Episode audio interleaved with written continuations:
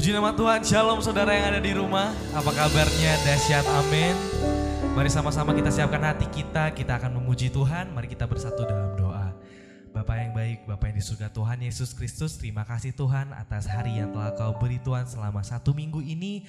Kau telah berkati kami Tuhan, kau telah uh, menyertai kami Tuhan dalam hari-hari kami Tuhan.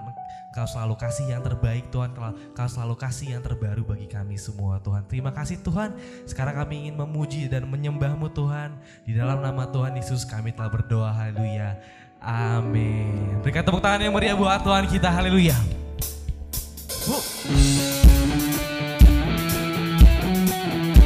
Mari sama-sama kita bertepuk tangan. Yeah.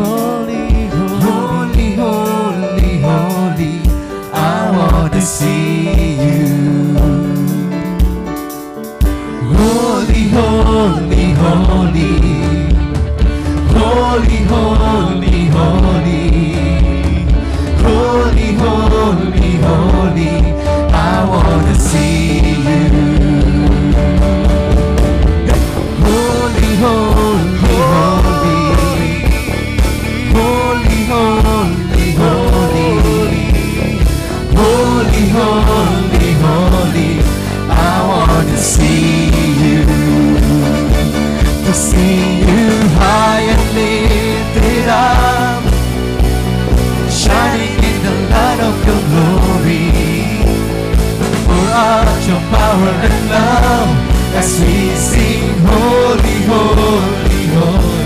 To see you high and lifted up, shining on the light of your glory.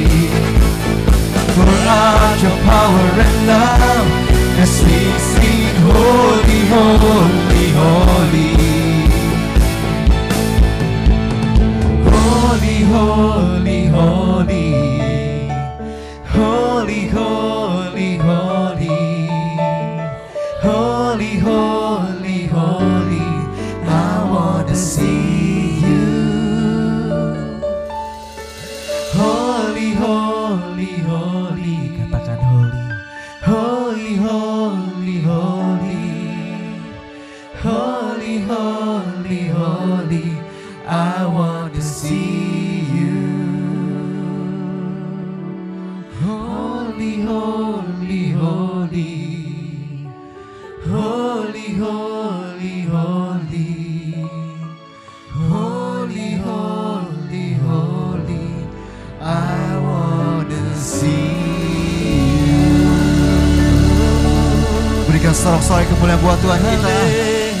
dahsyat lagi buat Tuhan kita. Sorakan haleluya. Haleluya.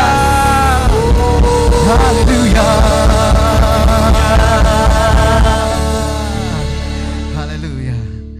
Semuanya bersuka cita. Amin. Amin. Saya persilakan duduk kembali, kita menyembah Tuhan. Biar di dalam hadiratmu Tuhan, kami mau sungguh-sungguh menyembah Engkau Yesus. Terima kasih Yesus. Haleluya, haleluya. Haleluya,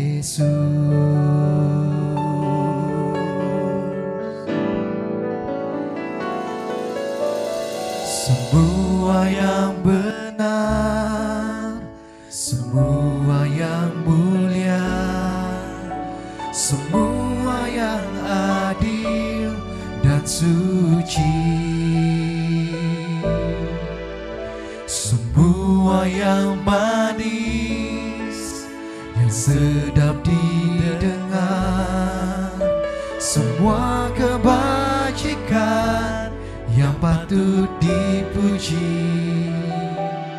Kupikirkan semua itu.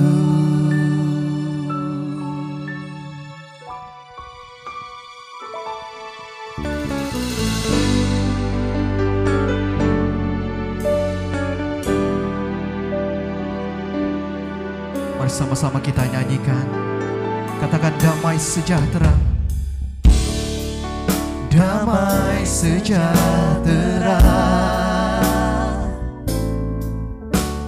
Yang melampaui segala akal akan memelihara hati dan pikiranku dalam Yesus, Mari angkat kedua tanganmu katakan semua yang benar, semua yang mulia, semua yang adil dan suci.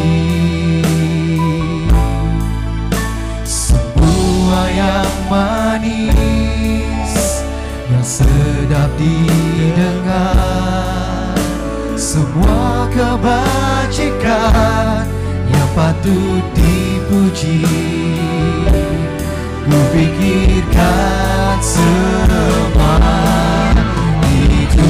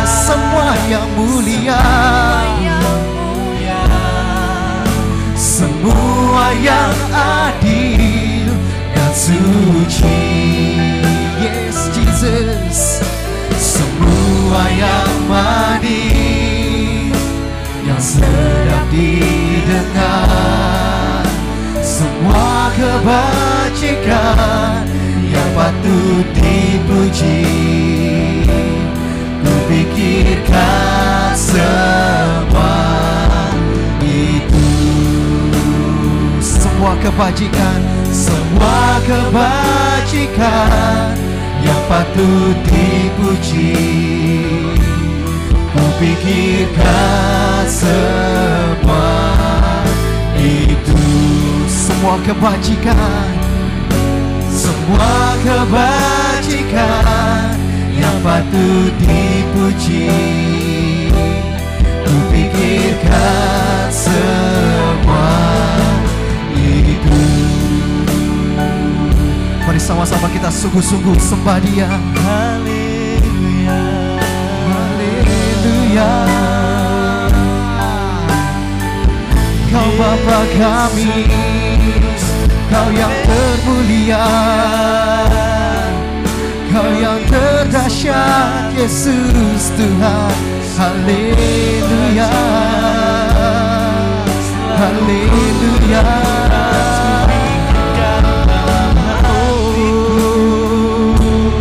Terima kasih Tuhan. Terima kasih Yesus Terima kasih Bapa Kau bertahta Bagi kami Tuhan Haleluya Haleluya Oh, Jesus, Jesus.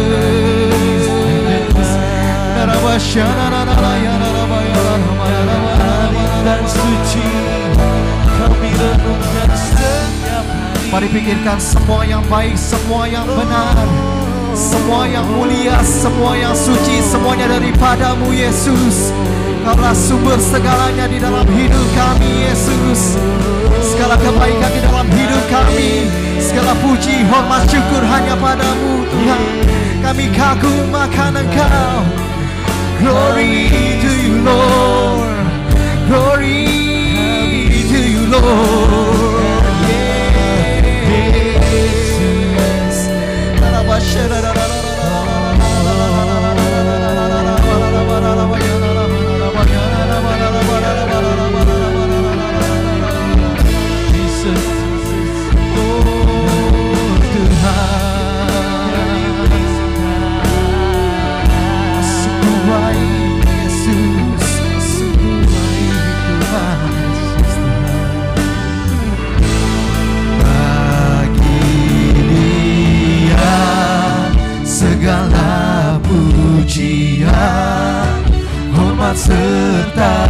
syukur kekal selamanya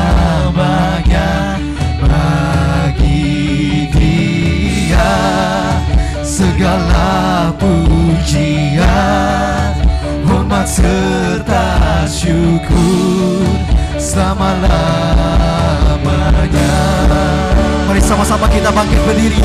Sembah dia. bagi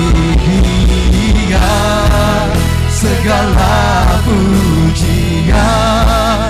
Hormat serta syukur kekal selamanya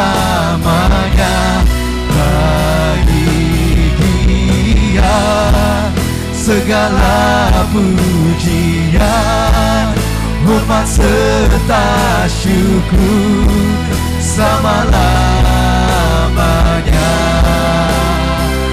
Angkat kedua tanganmu nyatakan.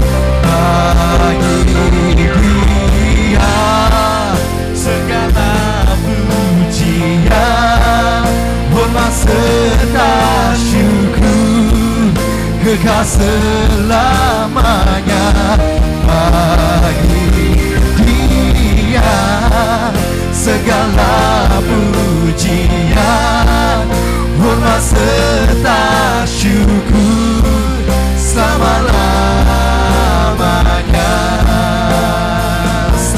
Selama-lamanya. selama-lamanya Selama-lamanya.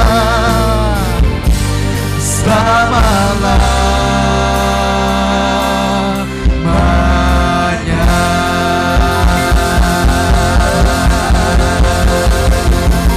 Haleluya Kau berkuasa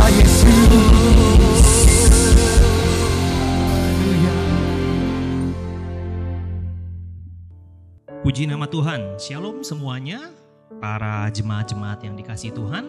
Berjumpa lagi kita di hari Minggu, hari ya Minggu yang terakhir di bulan Februari. Kita sama-sama beribadah, mari kita siapkan hati kita untuk sama-sama beribadah. Mari kita tundukkan kepala untuk memulai pemberitaan firman pada siang hari ini. Mari saya ajak kita semua untuk bersatu di dalam doa. Mari kita tundukkan kepala. Bapa di dalam surga, terima kasih. Kami mengucap syukur, kami diberikan kesempatan untuk kami sama-sama memuji menyembah Tuhan pada pagi hari ini. Sungguh kami merasakan lawatan kasih kuasa Tuhan dinyatakan di tempat ini. Dan sebentar kami menyiapkan hati dan pikiran kami untuk sama-sama mendengarkan kebenaran firman-Mu. Mari Roh Kudus, Engkau urapi setiap kami, supaya setiap benih firman Tuhan yang akan kami dengar pada siang hari ini tidak berlalu dengan sia-sia. Kami bisa mendapatkan sesuatu yang baik daripada Engkau, dan kami juga boleh menjadi pelaku kebenaran firman Tuhan. Terima kasih Bapak, kami siapkan hati dan pikiran kami untuk mendengarkan firman-Mu. Urapi kami, urapi juga hamba-Mu yang akan memberitakan firman Tuhan. Demi nama Tuhan Yesus Kristus, kami sudah berdoa dan bersyukur. Sama-sama kita yang mengasihi Tuhan, kita berkata, Amin. Puji nama Tuhan, Shalom. Sekali lagi saya ucapkan kepada kita semua, para jemaat yang dikasih Tuhan, di mana pun Anda berada, semoga kita semua di dalam keadaan sehat dan juga berbahagia. Puji Tuhan, saya mendapatkan kesempatan di minggu yang terakhir di bulan Februari. Banyak sekali hamba-hamba Tuhan yang sudah menyampaikan dengan luar biasa pokok-pokok tema yang di bulan Februari ini tentang transformasi pikiran. Dan saya mendapatkan kesempatan terakhir yang untuk menyimpulkan semua pembicara-pembicara firman Tuhan dari minggu yang pertama sampai minggu yang kemarin ya dibawakan oleh Pastor Moses tentang metanoio ya. Puji Tuhan, pada kesempatan minggu ini saya akan memberikan sebuah tema tentang transformasi pikiran dan saya memberikan judul pemberitaan firman Tuhan pada siang hari ini yaitu healthy mind to happy life ya healthy mind to happy life pikiran yang sehat ya yang menuju kepada hidup yang berbahagia karena saya percaya hari-hari ini kita mengalami begitu banyak tantangan demi tantangan, problem demi problem, hidup di dalam masa-masa era pandemi. Ya, bahkan ibadah kita pun ibadah yang terbatas, hanya ibadah on, uh, online ya, belum on site. Makanya kita perlu untuk menjaga hidup kita supaya berbahagia. Bagaimana caranya? Tentu tidak lain tidak bukan dengan menjaga pikiran kita untuk tetap sehat. Nah, saya akan buka kebenaran firman Tuhan. Mari saya ajak kita semua jemaat yang dikasih Tuhan untuk membuka satu ayat lebih dahulu di Filipi 4 ayat yang ke-8. Filipi pasal yang keempat ayat ke-8 saya akan bacakan buat kita semua. Demikian firman Tuhan. Jadi akhirnya saudara-saudara, semua yang benar, semua yang mulia, semua yang adil, semua yang suci, semua yang manis, semua yang sedap didengar, semua yang disebut kebajikan dan patut dipuji, pikirkanlah semuanya itu. Puji Tuhan, saudara-saudara yang dikasih Tuhan. Demikian firman Tuhan ini adalah suratan dari Rasul Paulus kepada jemaatnya yang di Filipi, saudara-saudara. Dan kita kalau kita membaca ini tuh eh, apa yang diberitakan oleh Rasul Paulus, tentu kita semua jemaat, sahabat, IHK di mana pun anda berada, ingin kehidupan kita berubah. Di tahun 2022 ini setelah kita mengalami dua tahun hampir kurang lebih ya begitu banyak pandemi COVID mengubah uh, banyak sekali hal-hal di dalam sendi-sendi uh, perekonomian, sendi-sendi kegiatan ya tentunya kita ingin hidup kita berubah ya. Kita ingin hidup kita berubah lebih baik ya Bagaimana caranya kita mau keadaan sekeliling saya berubah? Saya udah cukup capek, Pastor. Saya udah cukup lelah dengan menghadapi begitu banyak tantangan, begitu banyak problem yang gak henti-henti. Ya banyak sekali uh, sekarang juga uh, sekolah-sekolah kembali memperlakukan online. Ya murid-murid semua orang-orang yang mengeluhkan, orang tua mengeluhkan anaknya kembali uh, bersekolah online. Gimana, Pastor, supaya keadaan ini segera berubah? Saya harus mulai dari mana? Nah, ada satu uh, orang yang bernama Norman Vincent Peale ya, dia menuliskan bagaimana kehidupan seseorang berubah saudara-saudara. Ini menarik, saya akan bacakan untuk saudara-saudara dan dituliskan seperti ini. Change your thoughts and you change your world. Ya, change your thoughts and you will change your world. Artinya ubah pola pikir kita, maka kita akan mengubah dunia yang ada di sekitar kita. Ini menarik saudara-saudara. Ya, Dikatakan oleh si Norman Vincent ini untuk mengubah keadaan dunia sekeliling kita, kita cukup mengubah satu hal. Yang pertama yang harus dirubah adalah ubah dulu pola pikir kita. Amin. Jadi ini sama sekali dengan apa yang dituliskan oleh Rasul Paulus kepada jemaat Filipi. Dan saya simpulkan dari Filipi 4 ayat 8 yang barusan kita baca. Kalau kita ingin hidup kita benar, mulailah berpikir dengan hidup dengan berpikir yang benar, saudara-saudara. Kalau kita ingin punya hidup yang suci dan kudus, ya mulailah dengan berpikir secara suci dan kudus. Ya, kalau kita mau hidup kita mulia dan adil, ya start dengan berpikir mulia dan adil. Ya, jadi dikatakan oleh Rasul Paulus, pikirkanlah semua hal yang baik, semua hal yang sehat, semua hal yang positif. Supaya apa? Supaya kehidupan kita juga berubah menjadi baik, berubah kehidupan kita menjadi sehat, kehidupan kita berubah menjadi positif. Ya, jadi hal itu dimulai dari satu kata sederhana, rubah dulu cara berpikir kita. Nah, saya mau katakan pentingnya pikiran itu merupakan hal yang kita semua miliki. Namun tidak semua orang itu mau mengubahnya. Ya, semua orang, ya, semua manusia dibekali dengan yang namanya pikiran. Tapi tidak semua orang mau menggunakan dan mengubah pikiran yang mereka miliki itu menjadi sesuatu yang lebih baik. Ya, banyak orang mau maunya berubah keadaannya, hidupnya berubah, tapi dengan pola pikir yang lama. Ya.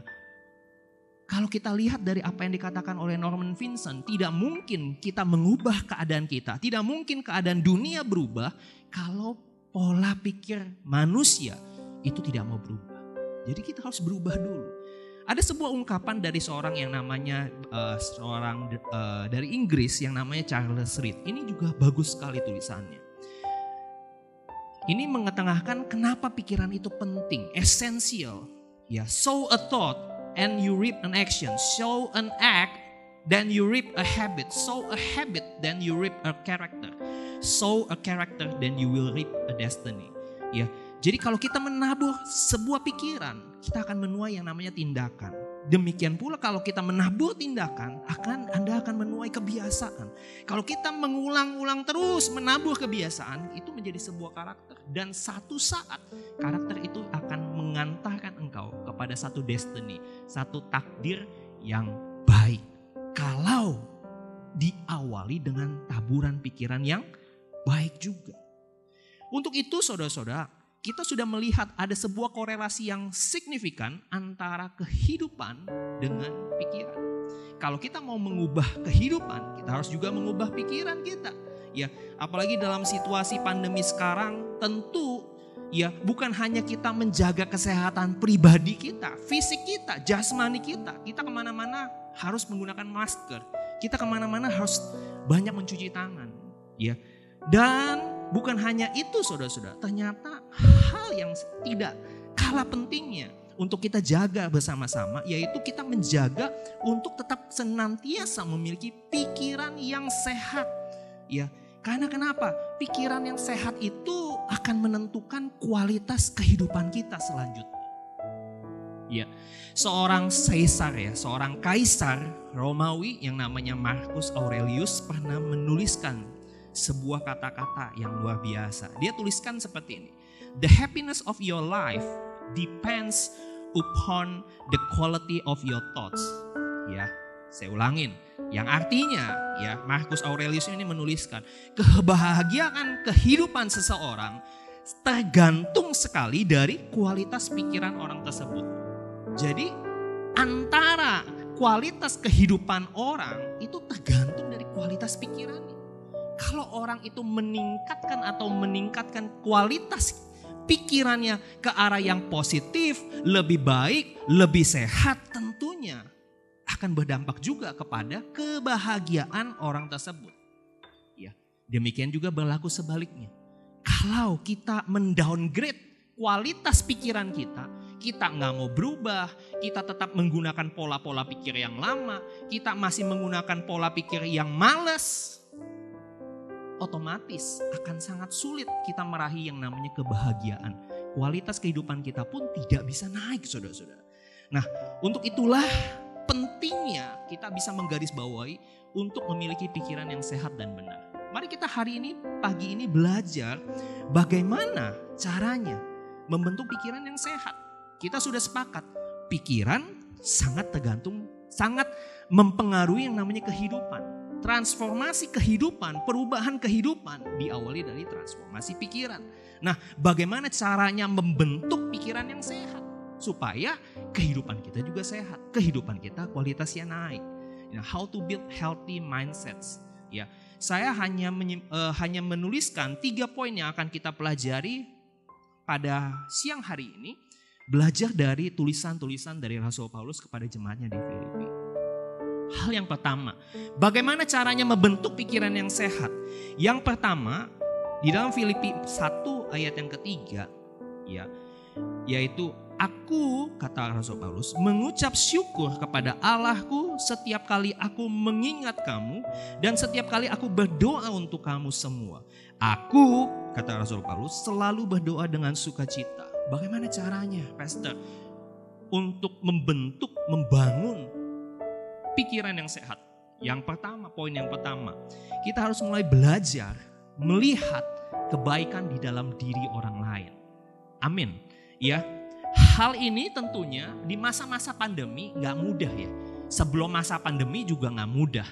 Apalagi sekarang masa-masa pandemi. Ya, keluarga demi keluarga kita banyak sekali lebih banyak yang namanya ngumpul di dalam uh, rumah ya kita jarang keluar rumah, kita sering memperhatikan uh, anggota-anggota uh, keluarga kita yang mungkin jarang kita temui, jarang kita ajak ngobrol, jarang kita lihat karakter dan sifatnya ya. Tapi ketika kita semua stay at home ya, lebih dekat. Nah, biasanya nih ada sebuah istilah ya, kalau jauh itu orang itu wangi. Kalau dekat itu bau saudara-saudara. Ya, itu ada sebuah istilah yang saya nggak tahu ya, tapi itu memang terjadi banyak ya Nah, saudara-saudara yang dikasih Tuhan, Rasul Paulus juga melayani begitu banyak rupa-rupa tipe jemaat. Ya, saya mau katakan tipe jemaat yang dia layanin, saya juga percaya punya berbagai macam karakter yang berbeda-beda. Ada yang baik, ada yang mudah untuk diomongin, ada juga yang punya karakter yang buruk, karakter yang sulit untuk uh, dinasehatin, karakter yang bebal mungkin dinasehatin berulang-ulang kali. Tetapi lewat apa yang dituliskan oleh Rasul Paulus di dalam Filipi 1 ayat yang ketiga, dikatakan dia selalu mengucap syukur kepada Tuhan setiap kali dia mengingat seseorang dan dia mendoakan orang itu dengan penuh sukacita. Saudara saya yakin Tulisan Rasul Paulus ini mengajarkan kita dan meneladankan kepada kita. Seorang Rasul Paulus mendoakan, mengingat orang satu persatu. Ya, walaupun jemaat itu mungkin jemaat yang kurang itu baik sifatnya. Mungkin itu seperti uh, istilahnya mungkin bebal, ya, ditegur, berdosa, tobat, besok umat lagi, tomat ya alias tomat. Mungkin kita merasa, aduh ini sih bener-bener ya, udah berkali-kali, bebel banget. Kalau saya sih udah saya tinggalkan. Tapi Rasul Paulus di dalam suratnya tidak menyiratkan hal-hal seperti itu. Dia terus mendoakan dengan sukacita. Dari seorang Rasul Paulus kita boleh belajar ya keteladanan untuk melihat, belajar melihat kebaikan orang lain, saudara-saudara. Ya, membangun pikiran yang sehat harus dimulai seperti Rasul Paulus, melihat, belajar melihat kebaikan orang lain. Hal ini nggak mudah saudara-saudara. Saya yakinkan di dalam keluarga pun menantu dan mertua, orang tua anak, ya sesama anak ya, saudara aja gitu ya, yang deket-deket itu kita bisa merasa, aduh saya capek nih ngeliat ini ya. Saya capek ngeliat dia. Kalau bisa dia ada di rumah, saya pengen keluar rumah. Kalau bisa. Tapi kan keadaan pandemi nggak memungkinkan tentu kita merasa kayaknya nggak enak gitu ya di dalam satu rumah ketemu sama orang yang kurang kita sukai.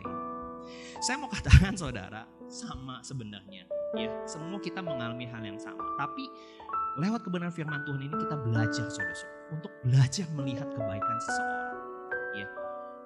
Ya, saya nggak bilang itu mudah, tetapi saya bilang itu possible, itu mungkin. Karena kenapa? Kalau kita mau belajar, ya seperti apa yang diteladan oleh Rasul Paulus, kata kita pasti bisa.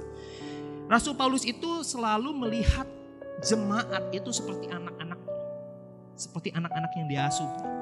Saya percaya kalau seorang orang tua punya anak, dua mungkin ya. Ya kalau anaknya satu susah ya comparisonnya. Tapi kalau kita punya anak dua contohnya lebih dari satu. Yang satu pintar secara akademis, yang satu kurang secara akademis ya saudara-saudara. Saya tidak pernah melihat orang itu mencap gagal Kadang kita dulu uh, orang tua saya, saya latar belakang orang yang punya tradisi Tionghoa yang luar biasa. Ya, saya punya banyak saudara selalu di kok nggak bisa seperti dia? Dia rankingnya, dia pinter, dia bisa uh, main piano, dia bisa nari, dia bisa ini, dia bisa itu. Kadang kita dibesarkan dengan itu bukan dengan uh, maksud yang buruk sih, ya. Mungkin dia tujuannya untuk memotivasi kita, tetapi uh, jatuhnya kita merasa mental kita kok dibandingin terus ya. Tapi saya mau ajak kita semua untuk melihat. Jangan kita melihat kekurangan anak kita itu berarti dia gagal. Satu pintar secara akademis, yang satu kurang, mungkin agak sedikit bodoh ya. Ya mungkin dalam saya bilang kurang pintar. Ya, tapi jangan kita mencap buruk, mencap gagal. Tapi justru kita sebagai orang tua harusnya mendoakan anak kita yang kurang itu, ya tanda petik, ya supaya mereka juga mendapatkan sesuatu yang baik dari Tuhan. Ya.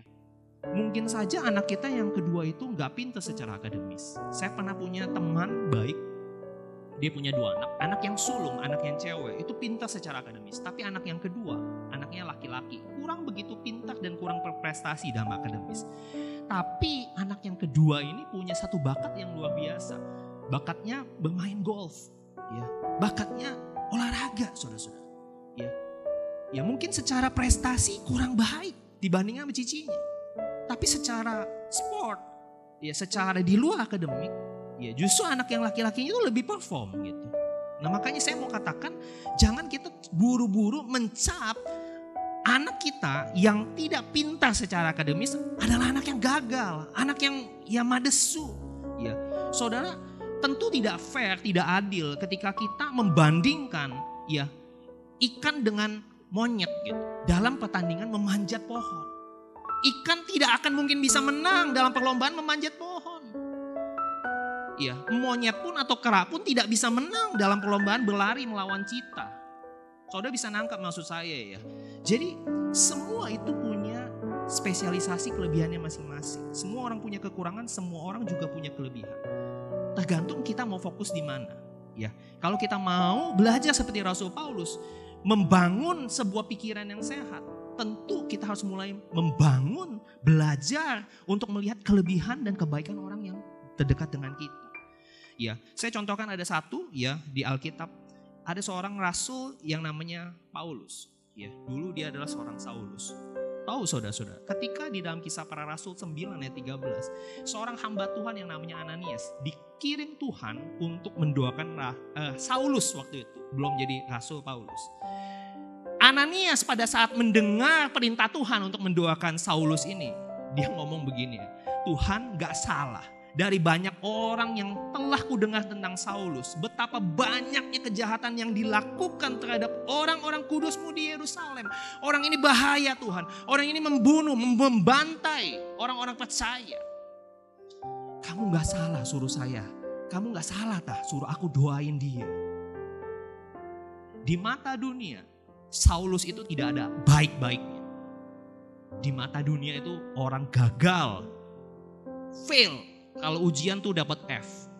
Tapi firman Tuhan mengajar kepada Anias di ayat yang 15. Pergilah sebab orang ini adalah alat pilihan bagiku untuk memberitakan namaku kepada bangsa-bangsa lain serta raja-raja dan orang-orang Israel.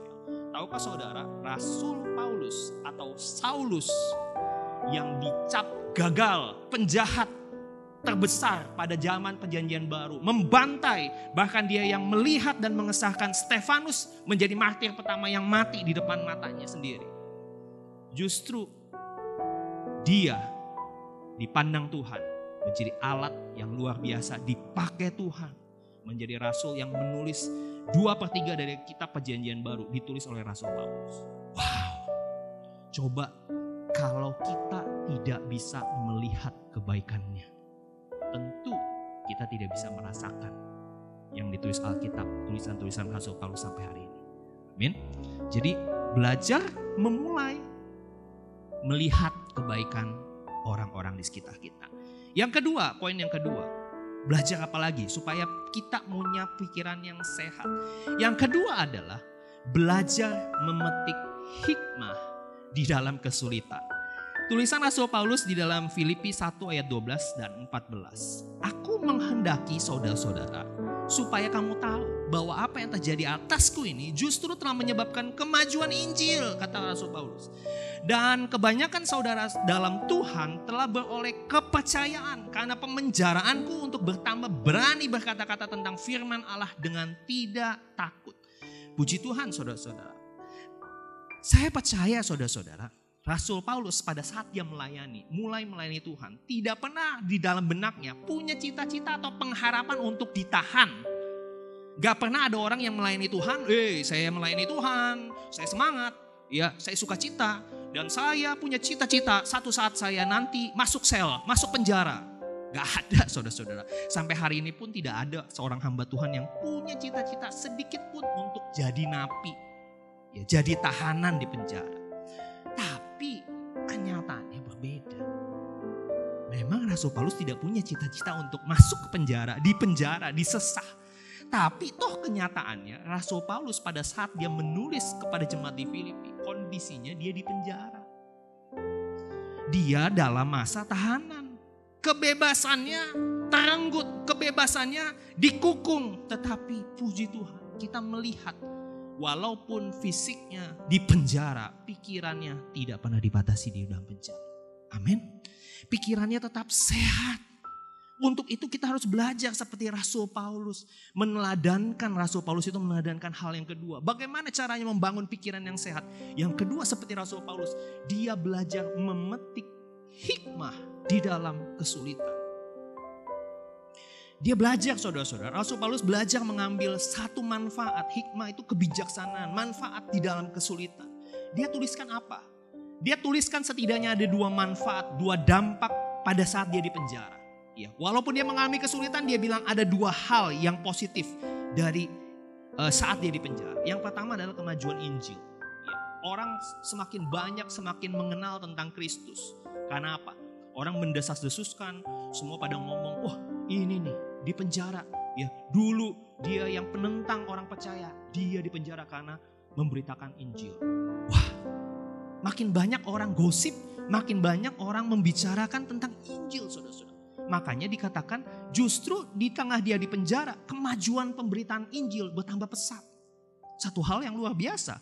Yang kedua dikatakan orang juga tambah berani memberitakan firman Tuhan. Bukannya orang tambah takut ketika Paulus dimasukin dijeblosin ke penjara. Justru semakin banyak orang berani untuk memberitakan firman Tuhan. Luar biasa saudara-saudara. Ya, saya boleh katakan yang nomor dua ini adalah a blessing in disguise. Ya, ada berkat di balik musibah. Ya, kadang satu berkat yang manis dibungkus dengan kertas koran yang kumel, yang lusuh. Saudara pernah nggak menemukan ada duit ya satu miliar dibungkus pakai kertas koran. Nah kalau menurut saya seperti ini, a blessing in disguise. Kadang kita nggak paham. Kenapa Tuhan mengizinkan situasi kurang baik menimpa kita? Kenapa Tuhan mengizinkan badai pandemi COVID selama dua tahun? Kenapa Tuhan izinkan saya kena COVID? Kenapa Tuhan izinkan Tuhan ambil orang-orang saya sayangin? Kenapa Tuhan izinkan saya punya bisnis jatuh, terpuruk? Mungkin kita mulai berpikir hal-hal seperti itu. Tapi mulai hari ini percayalah, kalau kita mulai membangun pikiran kita secara sehat, kita mengenakan pikiran Kristus, tentu sudut pandang kita berubah. Belajarlah untuk memetik hikmah di balik kesulitan. Roma 8 ayat 28, kita tahu sekarang bahwa Allah turut bekerja di dalam segala sesuatu di sini dituliskan segala sesuatu artinya apa? Segala sesuatu yang baik maupun yang buruk. Sesuatu yang baik maupun yang tidak baik sekalipun Allah turut bekerja di dalamnya. Dan tidak berhenti sampai di situ. Itu baru koma. Untuk mendatangkan kebaikan bagi mereka yang mengasihi dia. Berikan surat-surat kemuliaan buat Tuhan. Haleluya. Mendatangkan apa? Ujungnya adalah happy ending. Ujungnya kebaikan saudara-saudara. Bukan keburukan keadaan kita yang hari ini yang mungkin kurang baik, tapi kita tahu Allah turut bekerja di dalamnya, mendatangkan ke depannya kebaikan buat mereka yang mengasihi Tuhan. Amin. Contoh saudara-saudara di dalam Alkitab yang paling dekat adalah seorang Yusuf. Yusuf kurang baik apa? Umur 17 tahun ganteng kayak saya gitu ya. Ya, dicintai oleh papanya, disayangi luar biasa tapi dibenci oleh 11 uh, saudara-saudaranya. Dijual jadi budak difitnah istri Potifar, masuk penjara, dilupakan sama si juru minum. Kurang apa saudara-saudara? Begitu banyak musibah demi musibah, malapetaka demi malapetaka, hal-hal yang tidak pernah dia pikirkan sebelumnya. Dari orang yang disayang, dari anak kesayangan bapaknya, menjadi seorang budak, menjadi seorang narapidana. Itu keadaannya dari atas langsung shoot, minus saudara-saudara. Gak baik. Tapi Yusuf membuktikan ketika dia mengalami pengangkatan promosi dari Tuhan menjadi orang kedua yang berkuasa di tanah Mesir. Ketika dia ketemu sama saudara-saudara yang menyakiti dia, yang membuat dia dibuang ke Mesir, mengalami siksaan demi siksaan, jadi budak, jadi narapidana. Itu semua karena sebelah saudaranya. Tapi ketika sebelah saudaranya datang ke Mesir, minta maaf sama Yusuf. Yusuf berkata di dalam kejadian 50 ayat 20. Memang kamu boleh mereka-rekakan yang jahat terhadap aku, kata Yusuf. Tapi Allah telah mereka-rekakannya untuk kebaikan. Luar biasa. Ya, Yusuf tidak pernah sakit hati. Yusuf mungkin pernah terbesit seperti itu. Tapi dia memelihara pikirannya untuk tetap memandang Tuhan. Tetap melihat ada hal yang positif di balik daripada dia saya pernah membaca juga sebuah jurnal seorang yang dari Jepang, saudara-saudara. Namanya Soichiro. Dia pernah seorang Jepang ini, seorang uh, dari Jepang ini, dia pernah melamar jadi teknisi di perusahaan Toyota. Tahu saudara-saudara, hasilnya dia ditolak mentah-mentah. Karena itu dia bekerja sendiri dan akhirnya karena dia ditolak dia buat sepeda.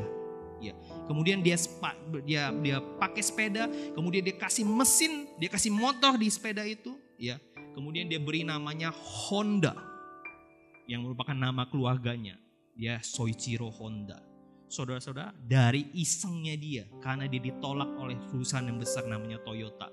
Dia bikin sepeda, dikasih mesin, sepeda motor. Yang sampai hari ini Honda bukan hanya memproduksi sepeda motor, tapi juga mobil dan sebagainya. Saudara-saudara, saya mau katakan, untung Soichiro itu ditolak.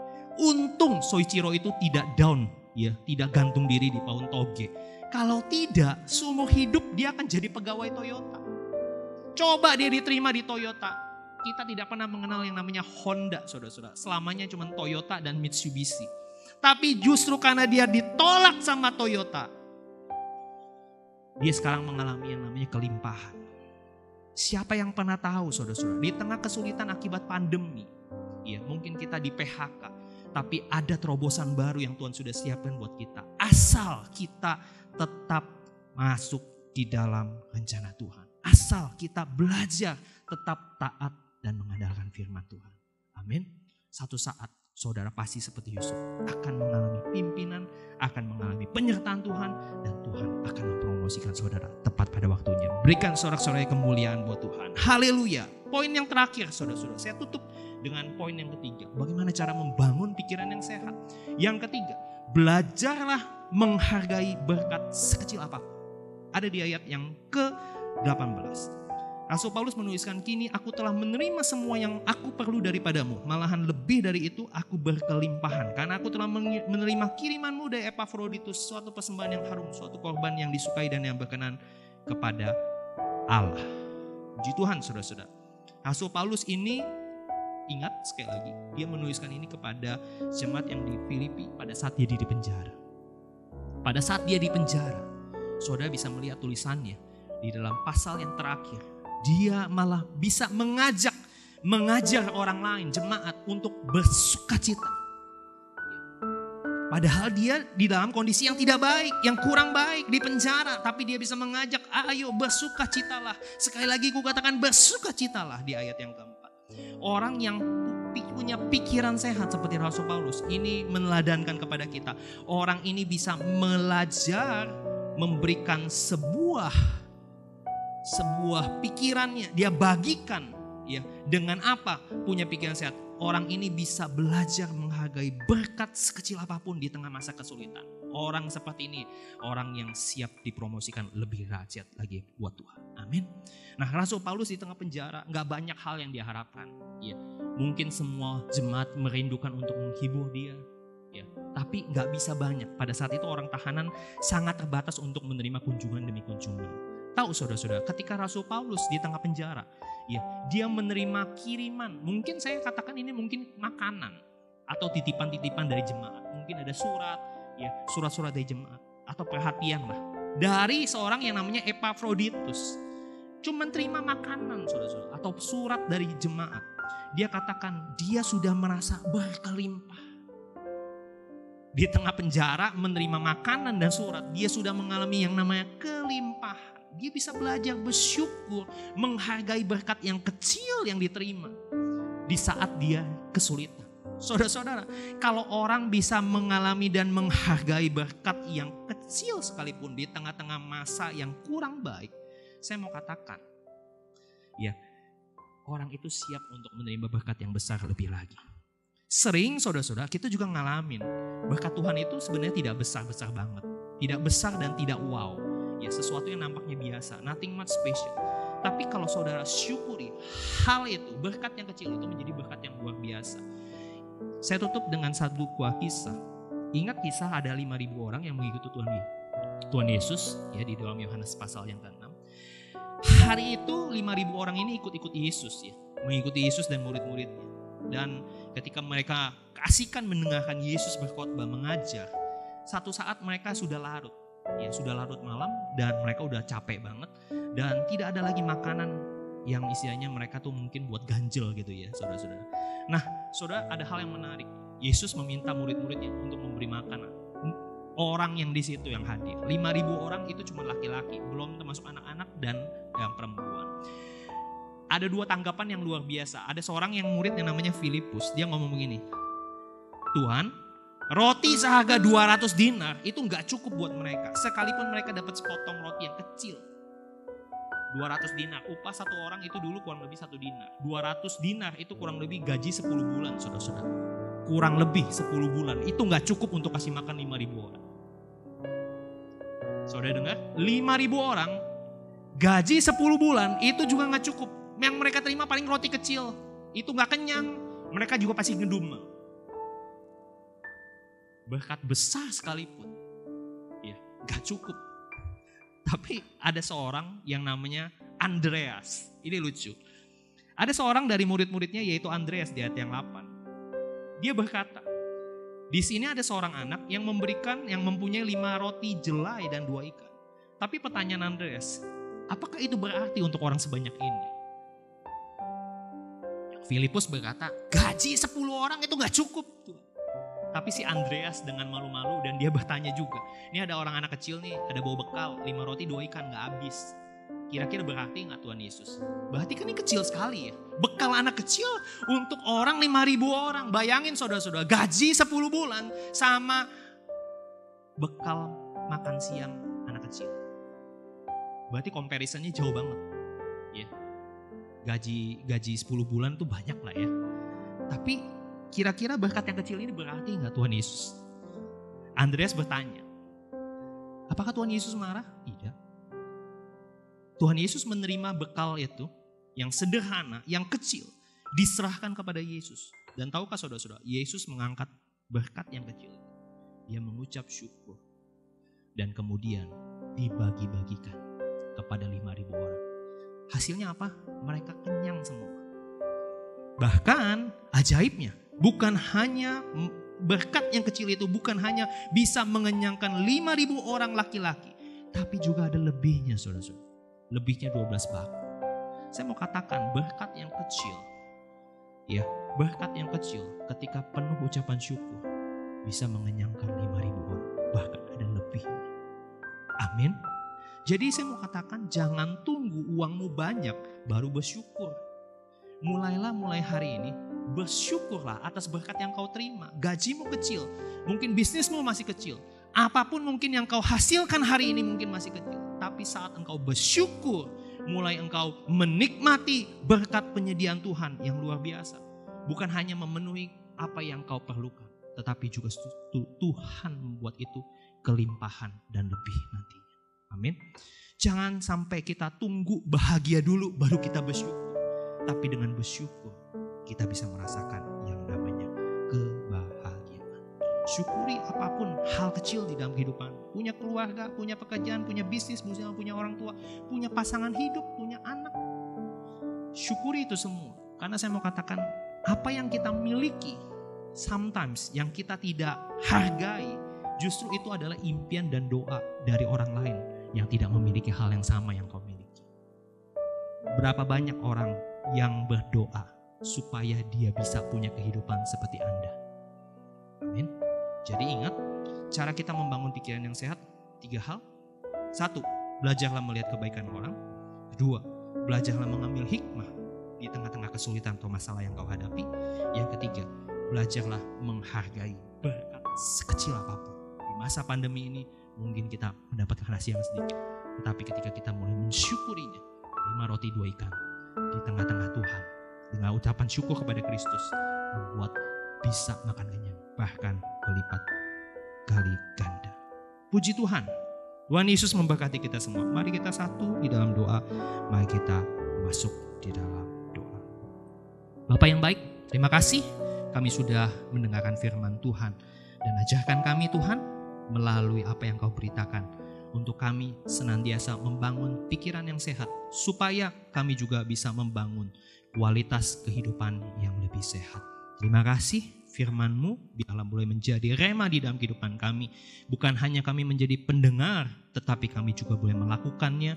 Kami belajar melihat kebaikan orang-orang di sekeliling kami. Kami belajar uh, mengambil hikmah di tengah kesulitan dan kami boleh belajar menghargai berkat sekecil apa pun yang kami terima untuk supaya nama Tuhan dimuliakan, supaya nama Yesus Kristus yang menjadi junjungan kehidupan kami, yang akan senantiasa menuntun kami untuk menikmati semua janji-janji Tuhan di dalam kehidupan kami. Terima kasih Bapak, kami mengucap syukur di dalam nama Tuhan Yesus, kami sudah berdoa. Haleluya, sama-sama kita yang percaya katakan, amin. Tuhan Yesus memberkati, salam IHK, God bless. Shalom jemaat terkasih di dalam Tuhan, Happy Sunday. Bagi Bapak Ibu Saudara yang ingin memberikan persembahan dan mengembalikan persepuluhan bisa dilihat di layar Anda.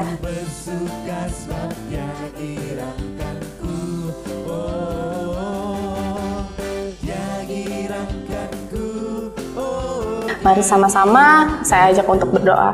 Bapak yang baik, terima kasih buat berkatmu, terima kasih untuk hari ini.